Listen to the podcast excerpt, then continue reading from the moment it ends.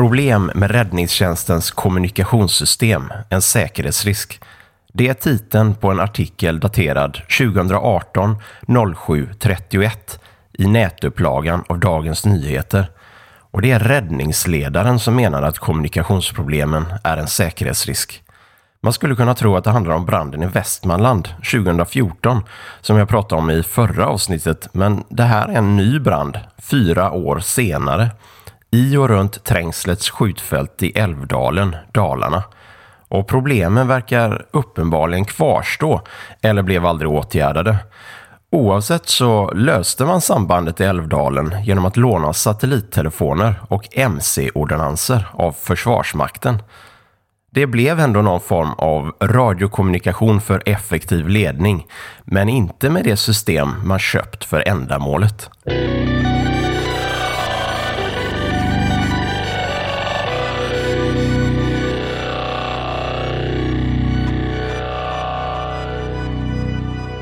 Välkommen till Quintus Z Johan, en podd om kommunikation i det sårbara samhället. Detta är avsnitt tre och jag är Sigurd Adam Sexa, Martin Willem Adam, din röst i eten, som troligtvis når dina lurar på ultrakortvåg som så mycket annat i det moderna sårbara samhället. Kommunikationssystemet artikeln och räddningsledaren syftar på heter Rakel och används av samtliga blåljusmyndigheter och annan samhällsviktig verksamhet, inklusive Försvarsmakten. Jag har givetvis själv fått utbildning i systemet men är långt ifrån en van användare och ännu mindre expert på Rakel, eller det digitala system som utgör Rakel, det vill säga Tetra. Detta avsnittet handlar inte om tekniken i sig utan mer om hur man tänker runt och arbetar med radiokommunikation framför allt komplexa system. Rakel är ett digitalt radiokommunikationssystem för trygg och säker kommunikation mellan medarbetare inom samhällsviktig verksamhet. Med Rakel kan medarbetare med samhällsviktiga uppdrag kommunicera säkert och effektivt i vardag, kris och höjd beredskap. Så säger MSB, Myndigheten för samhällsskydd och beredskap, på deras hemsida om Rakel. Man kan ju undra hur illa en skogsbrand kan vara när Rakel inte fungerar och man måste ta till eh, satellitkommunikation och mc-ordonanser. Återigen som jag sa i förra avsnittet. Tänk om det bara var lite i närheten ett värsta scenario, det vill säga kris eller höjd beredskap. Detta avsnittet ska inte ta upp alla problem jag har hört om Rakel. Jag har inte tillräckligt många fingrar och tår att räkna det på och är inte rätt person. Det finns många i mitt gebit som har starka åsikter om Rakel. Inte bara från när systemet introducerades utan eh, fortsatt än idag. Jag tillhör väl inte riktigt den skaran utan tänker att Tetra, som systemet är byggt på, är en bra digital kommunikationsstandard och man hade inte så många alternativ när man valde ett digitalt system att bygga Rakel på. Jag håller dock inte med om att det är särskilt tryggt och säkert för effektiv ledning under kris och höjd beredskap. Krig har väl inte någon med någorlunda frekvensstabila synapser tänkt att Rakel ska fungera särskilt bra för, hoppas jag. Vilket är varför inte en signalist nödvändigtvis kan systemet särskilt bra. Inte för att jag är rätt person att känna till särskilt många sårbarheter i Tetra-tillämpningen Rakel, men det är ett civilt system som skyddas för lagar och ordningsmakten vid större störningar. Det är inte utvecklat, enligt min mening, för att klara av varken sabotage eller en någorlunda kompetent telekrigare. Tetra är ett eh, fixfrekvenssystem, det vill säga det kan inte frekvenshoppa och fungerar knappt alls utan dess basstationer som förstås är lätta att störa ut på deras fixfrekvenser med rätt kompetens och utrustning. Eftersom det är ett ultrakortvågssystem så är basstationerna placerade högt i terrängen, vilket gör det lätt att nå dem från exempelvis en flygande störsändare över Östersjön, utanför Sveriges gräns till och med. En snabb sökning gav mig träff på en vetenskaplig studie vid namn Vulnerability of Terrestrial Trunked Radio to Intelligent Intentional Electromagnetic Interference Terrestrial Trunked Radio förkortas TETRA och är alltså den digitala standard som Rakel utgörs av, åtminstone i dagsläget. Och Intentional Electromagnetic Interference IEMI är alltså störsändning, det vill säga QRM. Återigen en sån där Q-förkortning, kvintusförkortning, eh, vilket är en sändning i syfte att störa QRM. I sammanfattningen av denna studie kan man läsa följande. We investigated the resilience of TETRA against intelligent intentional electromagnetic interference, IEMI, with low amplitude. The analysis shows that if the access assignment channel is corrupted, the mobile stations cannot start conversations with the base station. In this paper, it is shown that it is possible to create an IEMI that combines the vulnerability in the TETRA protocol with the QPSK, quadruple phase shift keying signal, to disrupt the service to the communication system while staying covert. Kort sagt, systemet har kända sårbarheter som inte bara går att utnyttja för att få en Rakelmobil att inte kunna kommunicera med en basstation, utan även att angriparen därtill kan bli mycket svår att hitta. Kanske finns det en och annan Rakelexpert som lyssnar på detta och känner till en hel del andra studier rörande Tetra som berör samma område. Men som sagt, jag är inte någon expert på systemet och detta exempel var bara för att lägga lite vikt vid mitt påstående att systemet är inte till för att försvara landet mot en kvalificerad angripare. Tanken med hur Rakel ska användas avslöjas i hur man benämner en handapparat. Istället för just handapparat så kallar man det för en Rakel-mobil eller Rakel-terminal. Användaren ska bära på Rakel-mobilen och precis likt GSM-nätet med sina mobiltelefoner så ska det inte behövas en särskilt utnämnd radiooperatör i den grupp man verkar. Det vill säga det finns inga signalister i det arbetssätt som man ska använda systemet inom. Tanken är att ett radiosystem ska lösa behovet som man kanske tidigare löste med flera olika system. Därmed menar man att det inte behövs några signalister. Problemet är bara att det inte funkar särskilt bra under kris och höjd beredskap och eftersom man inte övar ihop med särskilt kunniga inom radiosamband, det vill säga signalister, så kan man inte byta till ett mer lämpligt arbetssätt när man är mitt uppe i krisen. Som jag sa i förra avsnittet, den beredskap du har när brunsåsen träffar fläkten är den förmåga du får leva med. Nu är jag inte helt hundraprocentigt säker, men jag tror att det kan vara en anledning varför jag aldrig hört talas om att en räddningsledare eller polisinsatschef begärt stöd i form av radiosamband från Försvarsmakten. Det vill säga att hemvärnssignalister löser sambandet under en brand eller något annat där ordinarie system har varit påverkat nu menar jag inte som i detta fallet att låna satellittelefoner och mc-ordinans utan hela kedjan som normalt sett följer med en kompanistab i hemvärnet eller liknande lätt skytteförband. Det innebär olika radiosystem för olika ändamål samt signalister ute i fält. Det innebär också hela strukturen med en framskjuten ledningsplats med signalist och en stab på ordinarie ledningsplats med signalist. Om det är nu det som behövs, vilket det lät som under branden i Älvdalen. Problemet med detta mer enkla men effektiva, anpassningsbara och robusta arbetssätt är förstås att det är mer resurskrävande i och med att man normalt sett inte har en enda signalist. Men jag tror inte det handlar om pengar utan mer om att man inte vet om vad som finns att efterfråga och att man dessutom aldrig har samövat på ett sådant sätt. Speciellt inte när många inblandade tänker på radiokommunikation i form av mobiltelefoner. Ungefär som en handapparat är benämnt i Rakel, en Rakel-mobil. Det är få av oss som lyfter på en telefonlur och pratar med en telefonist för att få bli kopplad rätt. Därmed är erfarenheten av att någon annan sköter meddelandehanteringen rätt så främmande idag. Men detta avsnittet ska inte handla om paketerade varianter av Tetra, alltså inte Tetrapak då, utan radiokommunikation för effektiv ledning. Ämnet för detta avsnittet berör moderna system som exempelvis Tetra-lösningar och det är komplexa system. På Wikipedia-artikeln om komplexa system kan man läsa att exempel är myrstackar, finansiella transaktionsstrukturer och mobiltelefonnätet. Ett annat kärt barn i ultrakortvågsspektrat. Jag eh, tycker den meningen delvis symboliserar en viss teknikoförståelse. Jag vill påstå att det finns stora skillnader mellan de två första, myror och finanshajar, och den sista, mobiltelefonnät. Låt mig förklara lite hur jag tänker.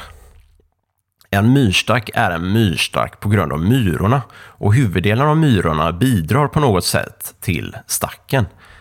Finansiella transaktionsstrukturer är komplexa på grund av människorna som överför valuta mellan andra i systemet eller köper och säljer värdepapper och så vidare. Ett eh, mobiltelefonnät byggs inte av mobiltelefonnätets användare, om man nu får ta myrstacksexemplet. Ett mobiltelefonnät byggs och underhålls av en liten skara specialister. Specialisterna har dessutom kompetens i vitt skilda specialområden och det är mycket ovanligt att en enskild specialist har kompetens att bygga eller underhålla alla komponenter i nätverket, det vill säga hårdvara med radioantenner samt mjukvaran och eh, konfigurationen. I en myrstack kan en större andel av myrstackens invånare bygga och underhålla myrstacken. En större andel av alla mobiltelefonanvändare kan inte varken bygga eller underhålla ett mobiltelefonnät. Nu kanske jag har missuppfattat hela konceptet eh, komplexa system här då. Men det har kanske ingenting med att användarna bygger och underhåller systemet som är myrstackar och finansiella transaktionsstrukturer. Ett komplext system kan givetvis vara komplext, även om användarna inte organiskt kan ändra systemet själva. Eller så innebär de organiska förändringarna att människor påverkar andra människor som får specialisterna att bygga ut eller konfigurera om systemet efter behov. Oavsett vad så är komplexa system resurskrävande och om man som exemplet med mobiltelefonnätet har väldigt få resurser, det vill säga inte alla myrorna i stacken, så blir det en begränsande faktor för att få igång ett sådant system igen, åtminstone inte på kort sikt. Därtill kan det vara svårt och tidskrävande att snabbt anpassa systemet till rådande förhållande. Hur många som kan bygga och underhålla det komplexa systemet är direkt kopplat till hur sårbart ett sådant system är ihop med den kultur som råder vid vidareutveckling, underhåll och förändringar av systemet, i min mening. I IT-branschen som jag jobbar inom så har en artikel vid namn How Complex Systems Fail av Dr. Richard Cook fått ganska stor spridning. Ni hittar hela manifestet, om man nu får kalla det så, på https kolon slash Jo, fail är faktiskt toppnivådomänet för denna sajt, roligt nog. Ni hittar även länkar i beskrivningen till detta avsnittet i vanlig ordning. En stor anledning varför artikeln citeras av sådana som jag är att vi är inte sällan kritiska till hur protektionistisk man är i många större företag rörande förändringar av sitt system, sin produkt eller sin tjänst. Inte sällan så behöver förändringar godkännas i flera nivåer. Man behöver skriva dussintals sidor med manuella instruktioner och man behöver vara två personer som rullar ut förändringen. En person som sitter och tittar på och ser till att den andra personen gör rätt. Men helst ska man inte göra särskilt många förändringar alls. Då är systemet mest stabilt, anser man.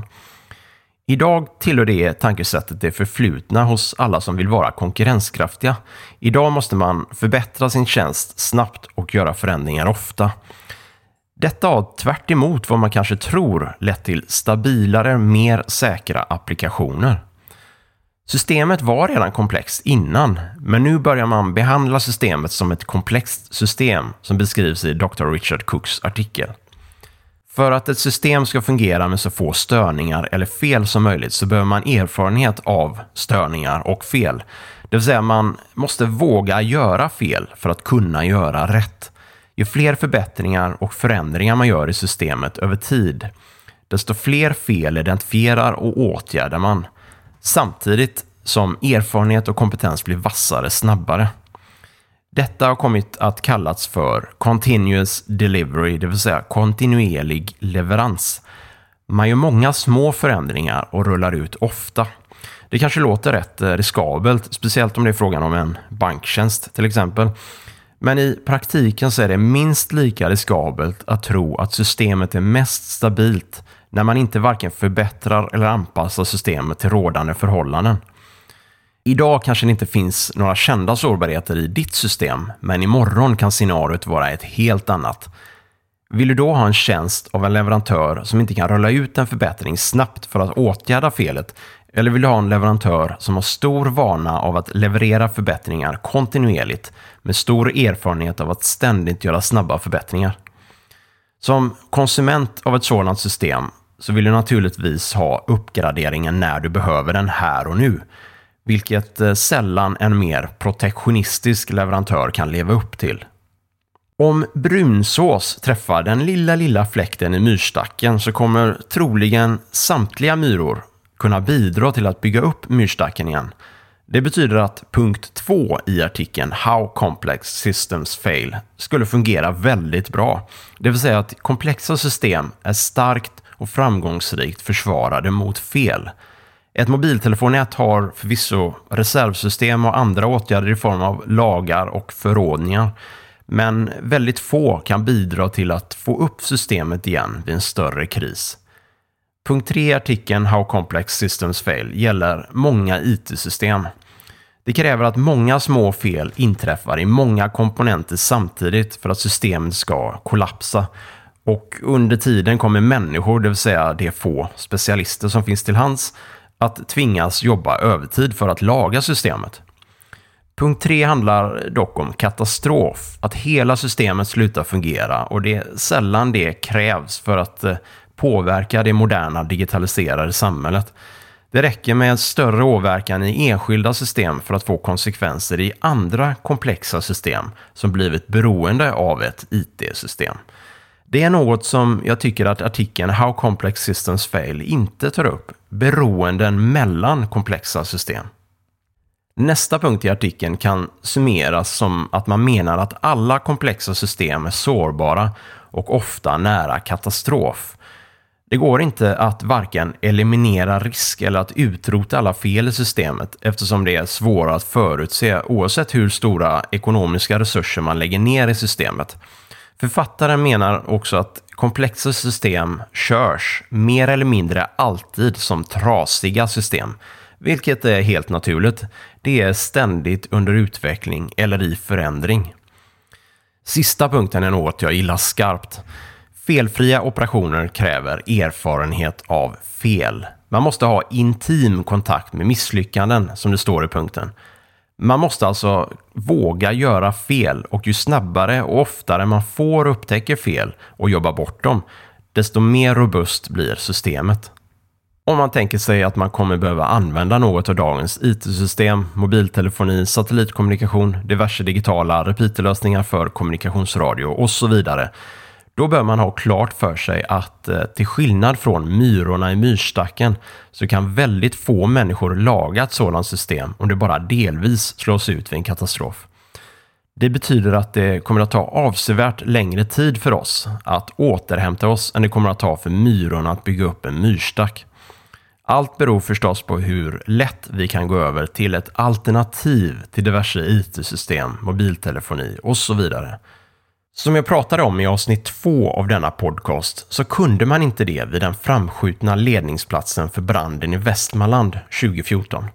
Det har skrivits många artiklar om att IT-system aldrig egentligen funnits med i krisplanering. Hur det ser ut idag, det vet jag inte, men jag hoppas att man har lärt sig lite efter diverse utredningar som följt av dessa erfarenheter. Något som inte förändras är däremot att underhålla och laga trasiga IT-system är resurskrävande och de resurserna är ganska begränsade även under normala förhållanden. Sen kanske motsatsen är minst lika sann. Det vill säga att det som kan arbeta effektivt på ett alternativt arbetssätt vid sidan av trasiga IT-system också är en begränsad skara specialister. Det är dessvärre ett resultat av att vi gör oss mer och mer beroende av komplexa IT-system på gott och ont. Men komplexa IT-system har den stora fördelen att de flesta människor är väl medvetna om att det finns andra människor som jobbar på att laga trasiga IT-system.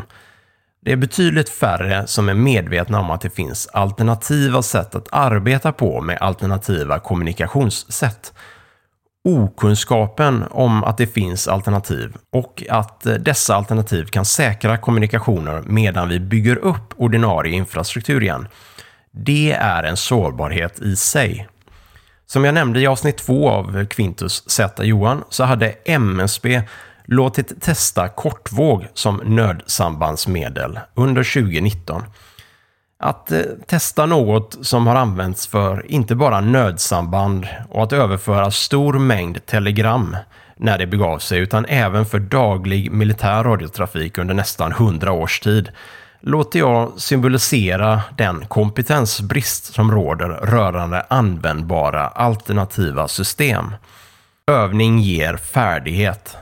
Om man övar alternativa arbetssätt som en del i vardagen inför kris, höjd beredskap och krig så finns det åtminstone en chans att medvetenheten ökar kring de alternativ som finns att tillgå och därifrån höja kompetensen.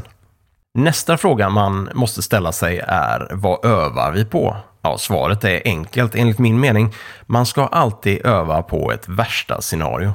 Att öva för någon halvmesyr kan tjäna ett syfte när man initialt börjar med krisberedskap, men inte sen. Det är lite som ordspråket det som inte dödar gör en bara starkare. Så övar man överlevnad istället för ilandsproblem så har man bättre förutsättningar för att klara det mesta i slutändan. Efter branden i Älvdalen har MSB låtit köpa in nio nya mobila basstationer för radiokommunikationssystemet för effektiv ledning, alltså Rakel. Tidigare har det, så vitt jag vet, bara funnits en mobil basstation och nu blir de alltså tio stycken. Precis som med andra komplexa system så behöver hela systemet organiskt anpassas till rådande förhållanden. De mobila basstationerna är tänkta att kunna rullas ut där det behövs. Samma tanke har mobiltelefonoperatörer vid större evenemang, som exempelvis konserter. Ja, inte för att det är ett problem nu i coronatider, men ändå. För att få plats med alla abonnenter behöver nätet segmenteras mer än normalt och detta gör man genom att tillfälligt öka tätheten av basstationer. En sådan basstation kommer vanligtvis i form av en container med ett elverk, antenner, mast, stag och radioutrustningen. Gissningsvis, inte för att jag vet särskilt mycket om detta då, men är frekvenser och så vidare redan i förväg avsatta för tillfällig täckning över hela landet. Annars hade man behövt frekvensplanera varje gång man upprättar en av dessa tillfälliga basstationer. Man kopplar in basstationen till nätet via antingen fiber eller radiolänkar. På samma vis som man gjort med Rakel några gånger, men då tydligen bara med en enhet. Under branden i Västmanland 2014 så tror jag att vi lyckades få fram tre eller fyra mobila basstationer från mobiltelefonoperatörerna för att fixa täcknings och kapacitetsproblemen i mobilnätet. Det är bara ett problem. En mobiloperatör vet när en konsert ska hållas och kan planera för upprättandet av dessa mobila basstationer. En skogsbrand inträffar visserligen under en viss period av året, men den ringer sällan in till brandkåren och anmäler sig. Det är inte bara en mobil basstation med tillhörande tekniker och annan underhållspersonal som behövs, utan man behöver även lättgripliga transportresurser. Så som ni hör så är komplexa system resurskrävande och om det är digitala är resurserna begränsade till skillnad från myrorna i stacken återigen.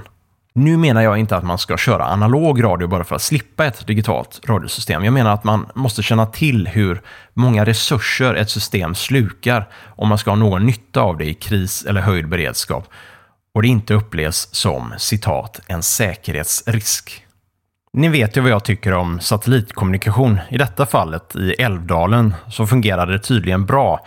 Men även detta är ett komplext system med många sårbara punkter och ni vet vad jag kommer att säga, att det går lika bra med selleri, eller jag menar kortvåg. MC-ordonnans, det vill säga motorcykelordonnans, är ett sambandsmedel inom Försvarsmakten, speciellt i hemvärnet, där det ingår i varje kompani och bataljonsstab och utgör ett mycket bra komplement där radio inte bör, behöver eller kan användas, till exempel när man behöver skicka material rent fysiskt. Radiosambandsmedlen de utgörs av VHF, UHF och kortvåg.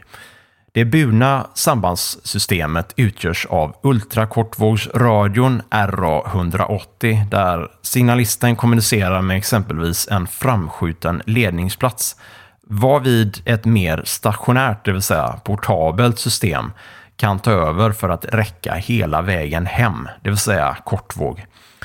Att systemet är mindre sårbart och mer lämpat för kris behöver man nog inte övertyga om. Det är dessutom redundant. Man kan konfigurera RA180 i nät för att täcka längre och man kan byta ut RA180 mot kortvågsstationer i hela kedjan och ändå ha fullgott samband.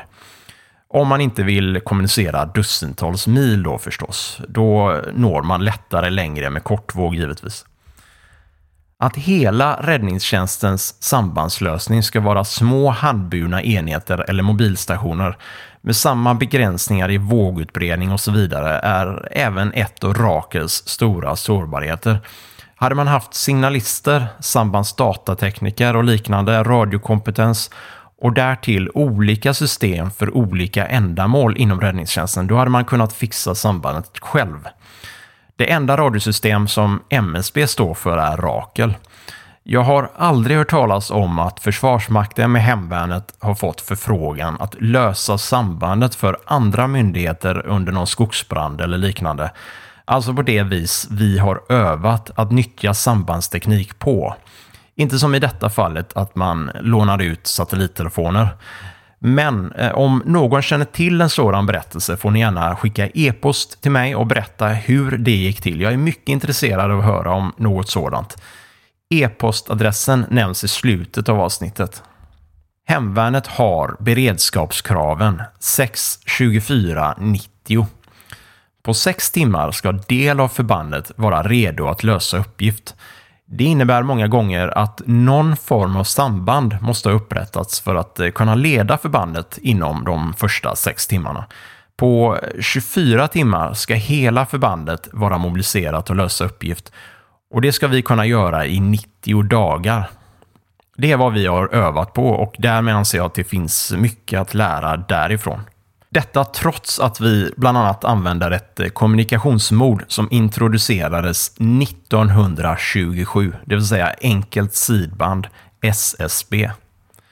Flygfarten över hela världen använder dock ett ännu äldre och ännu mer omodernt mod, amplitudmodulering, AM, som man lyckades eh, förverkliga runt 1913 det har varit många diskussioner och förslag genom åren att ersätta AM med något annat inom flygfarten, men aldrig något som fått eh, tillräckligt med gehör. Kanske för att systemet som ska ersätta den väl beprövade kommunikationen över AM verkligen måste vara citat trygg och säker. Det vore olyckligt om flyg kraschade på grund av kommunikationsstörningar, citat täckningsproblem och andra brister i mer komplexa system. Å andra sidan, under branden i Älvdalen använder man det äldsta kommunikationssättet av dem alla, ordinans, det vill säga budbärare. Så i det moderna digitaliserade samhället fick det äldsta sambandsmedlet av dem alla lösa det som tekniken inte kunde lösa. 1928, bara några år efter att Marconi hade introducerat kortvåg för kommersiell meddelandeöverföring, så hade över hälften av all långdistanskommunikation flyttat från kabel och långvåg till kortvåg. På den tiden var det inte bara ökad kommunikationskapacitet, effektivisering och billigare telegram, utan även tekniska framsteg. Idag är högre och högre frekvens och därmed bandbredd tekniska framsteg, men inte nödvändigtvis citat trygg och säker kommunikation i vardag, kris och höjd beredskap.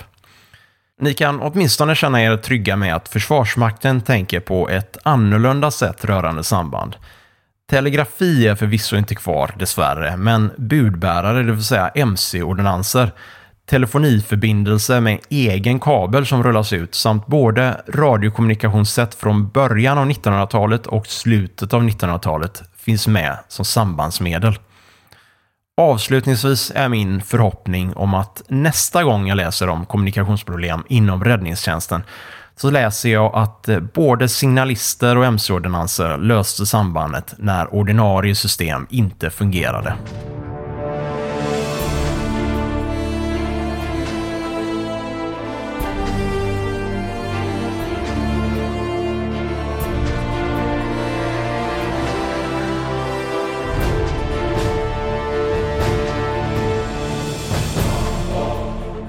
För att ni har lyssnat på detta avsnittet av Quintus Z Johan och ett stort tack går till mina patroner som gör den här resan kanske lite mer eh, möjlig än den annars eh, hade varit.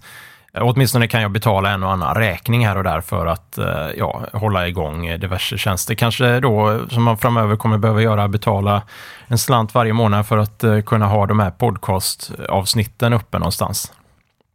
Och eh, det snurrar lite tjänster runt omkring också för att, för att driva diverse annat då, framförallt för eh, Youtube-kanalen, utesändaren då, kanske speciellt. Men eh, ja, om ni vill ha kontakt med mig eller ha frågor eller kommentarer på detta avsnittet så kan ni skicka e-post till Sigurd Adam 6 Martin Wilhelm Adam snabela radiohorisont.se.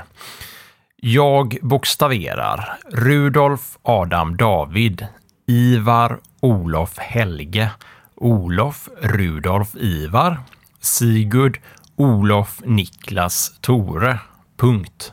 Sigurd Erik. SA6MWA snabela radiohorisont.se. Om ni vill ha mer eh, interaktiv eh, kommunikation med mig, eller ja, kanske inte interaktiv då, men åtminstone då i form av eh, digitalt sambandsmedel kallat chatt, så finns det en Discord-server så kallad som ni kan ta del av eller bli medlem på om ni blir patron på www.patreon.com outsender. Och eh, om ni blir eh, patron där då, det spelar ingen roll vilken nivå ni blir patron på där, utan alla har tillgång till Discord-servern och kan chatta med mig och de andra patronerna då till exempel. Så eh, ja, kan vi ha lite konversationer där via den här tjänsten som kallas för Discord. Och Discord kan ni köra på er mobiltelefon, er ultrakortvågsradio, mobiltelefonen. Och även då en laptop, eh, Macintosh eller eh, PC eller vad ni vill då, Linux i mitt fall givetvis då. Så det är eh, en riktigt bra tjänst då för just att ha chattkonversationer med. Och det gör det hela mer interaktivt då. Dessvärre så kostar den ju då er en liten slant varje månad. Men det, det är lite, så var en lite motivationsfaktor för att gå vidare med detta då. Är man så motiverad och intresserad av radiosamband så kanske det är eh, värt att stötta den här kanalen då, hoppas jag. Och jag är ju givetvis då väldigt tacksam för att ni gör det. Och den här Patreon-sidan den är ju både för den här podcasten, Quintus Johan, och för min YouTube-kanal Utesändaren. Och den når ni då på patreon.com outsender. Och jag bokstaverar Petter, Adam, Tore, Rudolf, Erik, Olof, Niklas. Punkt. Cesar Olof Martin snedstreck. Olof Urban Tore Sigurd Erik Niklas David Erik Rudolf. Och eh, det avslutar detta avsnitt av eh, Quintus Z Johan. Jag hoppas eh, att det har varit mycket nöje och till nästa gång så säger jag 73 slut, klart slut.